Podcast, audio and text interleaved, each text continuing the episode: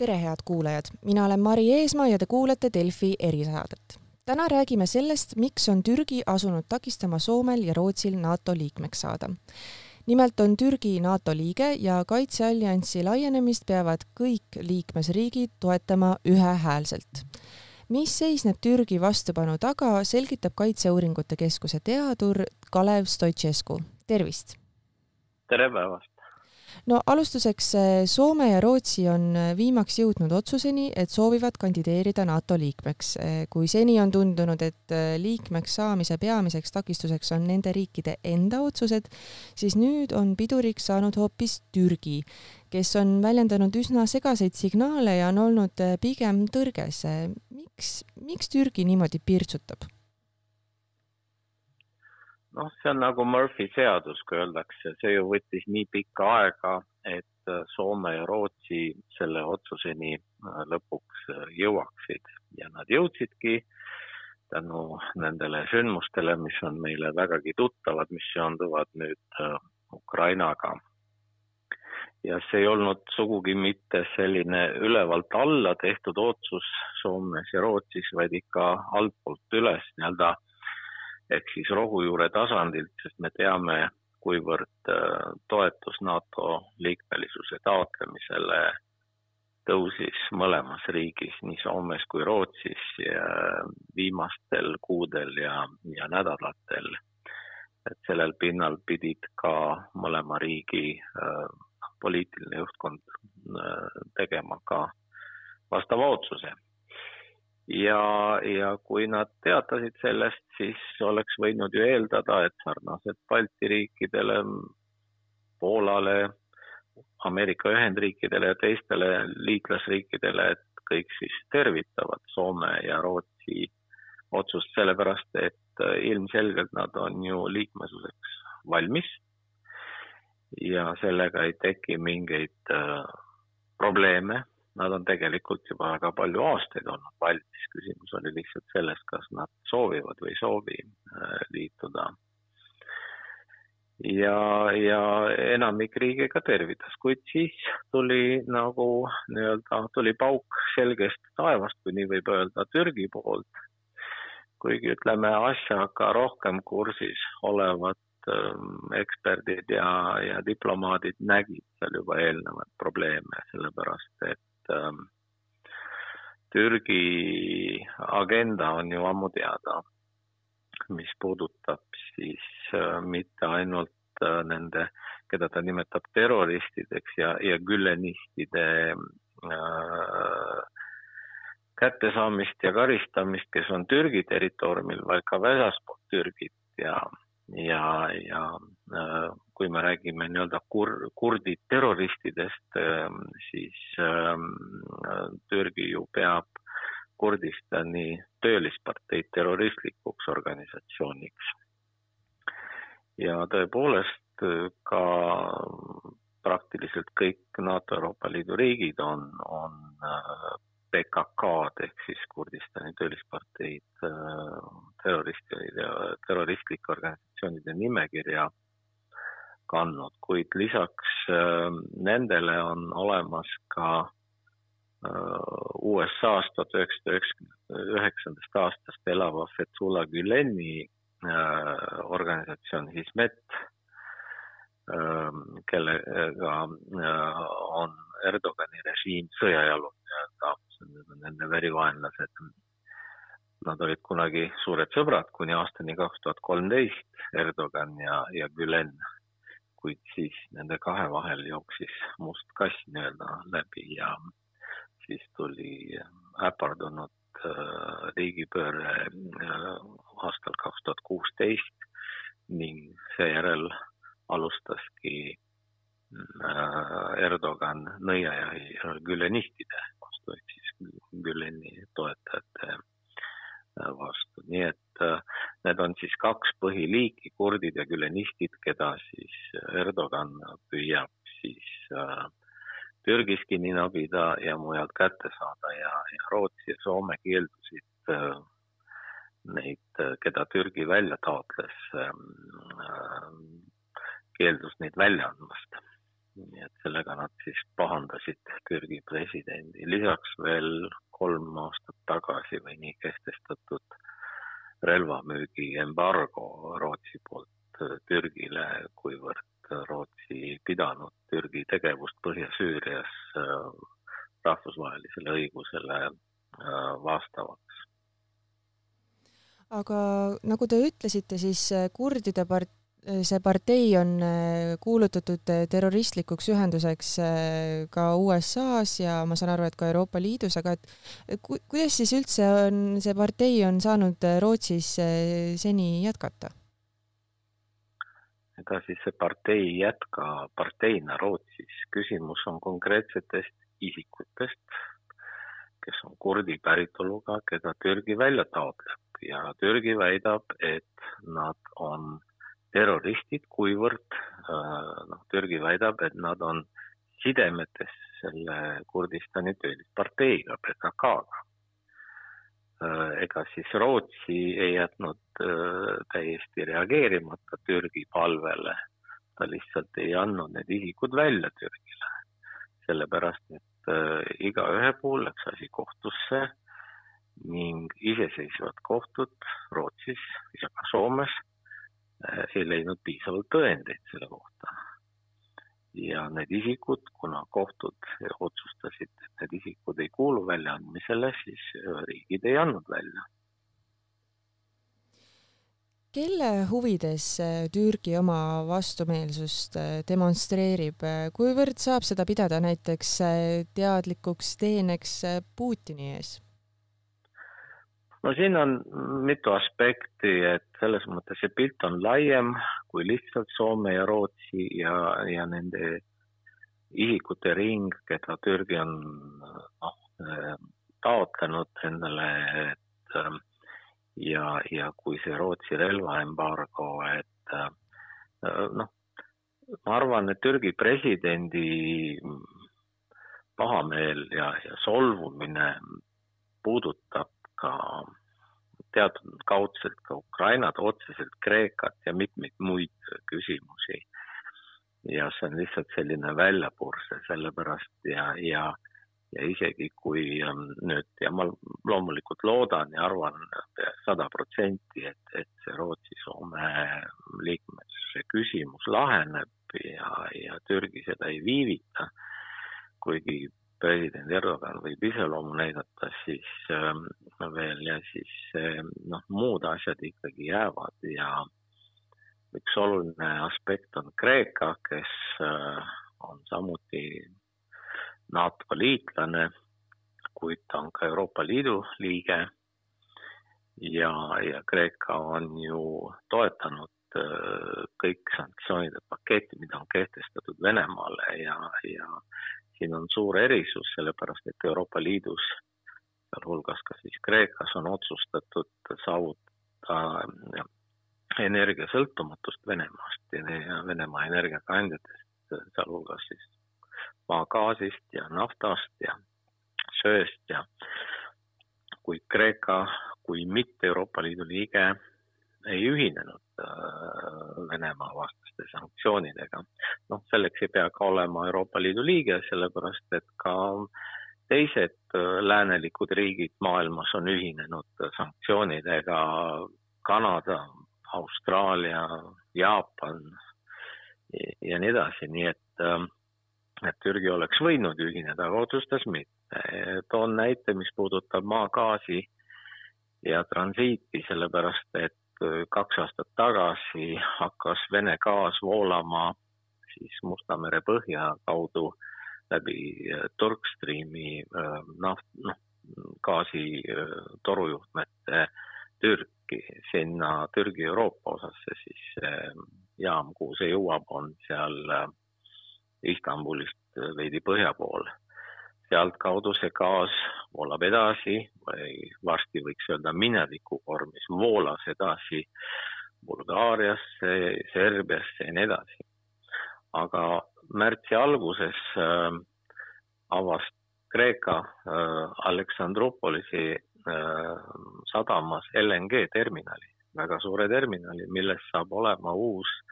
gaasi nii-öelda hub terminal mille kaudu saab praktiliselt kogu Balkani poolsaart varustada gaasiga. ja see on mitte ainult konkurent Turkstreamile, vaid see praktiliselt ka välistab Turkstreami tulevikus, seda enam, nagu ma ütlesin, et Euroopa Liit on otsustanud ikkagi saavutada seda gaasisõltumatust Venemaast, nii et lõpuks ei ole mitte Türgi, kelle kaudu gaas jõuab Balkani poolsaarele, vaid hoopiski äh, Kreeka. ja, ja Turkstream, noh, kui, kui nii asjad lähevad, muutub selliseks tupikuks sinna Istanbuli juurde, nii et see on ilmselt ka suur solvang Erdoganile, aga nii maailm ju muutub praegu ja see on äh, paratamatus. Äh, see on lihtsalt üks näide, lisaks veel Erdogani äh, kadedus, ma kujutan ette sellest, et Kreeka on olnud väga edukas viimastel aastatel tugevdamaks ja soojendamaks suhteid veelgi enam Ameerika Ühendriikidega, seda nii poliitiliselt, näiteks Kreeka peaminister oli eile Washingtonis ja, ja ka sõjaliselt äh, Kreeka ja USA sõlmisid äh, mitte väga ammu uue äh, sõjalise kohaloleku suurendamise lepingu ja nii edasi, kusjuures Türgi on ikka veel kinni oma probleemides USA-ga, mis on tingitud Venemaa õhutõrje raketisüsteemide S-400 ostmisest pärast Venemaalt, millele järgnesid ju äh, USA äh, nii poliitilised kui majanduslikud ja, ja, ja sõjalised sanktsioonid Türgi vastu. Äh, kaasa arvatud see, et USA viskas Türgi F kolmkümmend viis mitmeotstarbeliste kõige moodsamate hävituslennukite programmist välja ja ja nii edasi, nii et äh, siin ei saa Türgi öelda, et äh,, et see, et üks äh, NATO riik või, või siis peatselt saab NATO riik nagu Rootsi on kehtestanud äh, mingisuguseid äh, sõjalisi, noh, ütleme relvamüügi sanktsioone äh, Türgile, et see oleks äh, erakordne või või, või enneolematu, kas USA on kehtestanud ju neid sanktsioone Türgile tegelikult, nii et nii et praegu lihtsalt on selline olukord, kus siis president Erdogan on otsustanud noh, kui mitte ennast huvitavaks teha, siis, siis ütleme endast märku anda, et tal on mured, mured, probleemid ja frustratsioon ja, ja nõuab tähelepanu ja püüab natukene noh, kätt suruda, ütleme Rootsi ja, ja, ja Soomega, nii et noh, me oleme ka ju oma nahal näinud äh, president Erdogani ekstsesse varem, nii et äh, ka siis, kui Türgi blokeeris Balti riikide ja Poola äh, kaitselepingu või kaitseplaane, tähendab, vabandust, NATO-s ja paar aastat tagasi või natuke rohkem ja lõpuks need leidsid lahenduse, võttis mitu kuud aega, praegu on vähem aega, aga ma arvan, et ikkagi äh, leitakse mingi lahendus, mis on äh, Türgile sobilik, sellepärast et äh, selline äh, vastasseis Türgi poolt Soome ja Rootsi liikmesusele antud hetkel, äh, kui sõda käib Ukrainas ja on eriti terav vastasseis nüüd Venemaaga on ääretult äh, ebasobiv, ma ütleks, aga noh, president Erdogani jaoks on see, nagu näha, on ikkagi sobiv aeg no nagu te ütlesite, siis äh, Türgi vastasseis ei ole tegelikult ületamatu. millisel juhul siis võiks Türgi päriselt äh, leebuda, mida Soome ja Rootsi tegema peaksid? no Türgi nõuab neid inimesi, neid on kokku kolmkümmend kolm, keda ta on Soome ja Rootsi valitsustelt taotlenud. Ja seal on ka küsimus sellest, et äh, Türgi ei ole nii-öelda taaskehtestanud surmanuhtluse, mis on kaotatud seal aastast kaks tuhat neli, kuid see ei ole välistatud ja sellises riigis nagu Türgi, kus noh, võib kahelda, et see on nii väga õigusriik, võidakse langetada ka retroaktiivseid, taga, järeleulatuvaid otsuseid, nii et te, nii-öelda terroristide osas, nii et teoreetiliselt võib neid inimesi, kui need välja antakse, ähvardada mitte ainult pikaajaline või eluaegne vanglakaristus seal täiesti kaheldavatel noh, kaalutlustel ja süüdistustel, sest ju Soome ja Rootsi kohtud leidsid, et see ei ole tõendatud, see seos terrorismiga ja ja, ja gülenismiga, nagu Türgi väidab, aga neid võib ähvardada tulevikus võib-olla isegi surmanuhtlus, kui Erdogan otsustab seda taastada, sellepärast et Äh, kolm aastat tagasi ütles Erdogan täiesti otseselt välja, et, et see oli vale otsus omal ajal surmanuhtlus ära tühistada, nii et. ja noh, muidugi on siin sisepoliitiline motiiv ka, sest äh, järgmisel aastal on ju jälle Türgis valimised ja Erdoganil on ennast vaja näidata ka sellise tugeva ja otsusekindla ja nõudliku liidrina et kellega niisama ei mängita. kuidas teile tundub, kas peale Türgi võib veel mõnest NATO liikmesriigist saada nii-öelda pidur Soome ja Rootsi liikmeks saamisel? ma ei näe ühtegi võimalust. no meil on ilmselgelt probleeme Ungariga, aga need on hoopiski Euroopa Liidu äh, liinis ja ja, ja noh, kahtlemata on nii Orbanil kui Erdoganil imagoloogilisi probleeme praegusel ajal, sellepärast et nad on ju ennast väga selgelt äh, pildile asetanud Putiniga veel enne invasiooni algust aastaid järjest. Need on ju, üks on Euroopa Liidu ja NATO ja teine on NATO äh, liikmesriigi juht, kes on Putinit sõbraks nimetanud ja, ja nii edasi, nii et ja nüüd, kui Putini kui autokraadi imidž noh, ilmselgelt kannatab tugevasti ja ta on muutunud paariaks, siis ikkagi kehtib ju vanasõna, ütle, kes on su sõber, ma ütlen, kes sa oled, et, et eks nad, nende imidž ka paariastub parajalt, nii et see on, on, poliitilised ja imagoloogilised probleemid. Ja nagu ma selgitasin gaasiga seoses Türgi puhul ka, ka majanduslikud tagalöögid, tagasilöögid, nii et aga noh, ma arvan, et, et see Soome-Rootsi NATO liikmesuse küsimus lõpuks laheneb sellepärast, et äh, vaevalt, et Orban tekitab probleemi ja asub Äh, toetama Erdogani selles küsimuses. Ja Erdogan jääb üksi kahekümne üheksa riigi vastu, et äh, noh, mõeldakse talle noh, mingisugune präänik välja, et, et äh, aga noh, ma ütlen, kogu see pilt on kirju ja keeruline, need muutused ja Erdoganile võivad mõjutada nii-öelda, kuidas öelda, alateadlikult ka seegi, et, et, Ukraina on praegu kutsutud Euroopasse, see võtab muidugi palju aastaid, aga, aga kui arvestada, kui soojalt ja toetavalt suhtuvad Euroopa Liidu riigid valdavalt Ukrainasse praegu ja mõelda sellele, et Türgil on ju Euroopa Liitu äh, astumise avaldus juba kolmkümmend, kolmkümmend viis aastat laual isegi rohkem ja, ja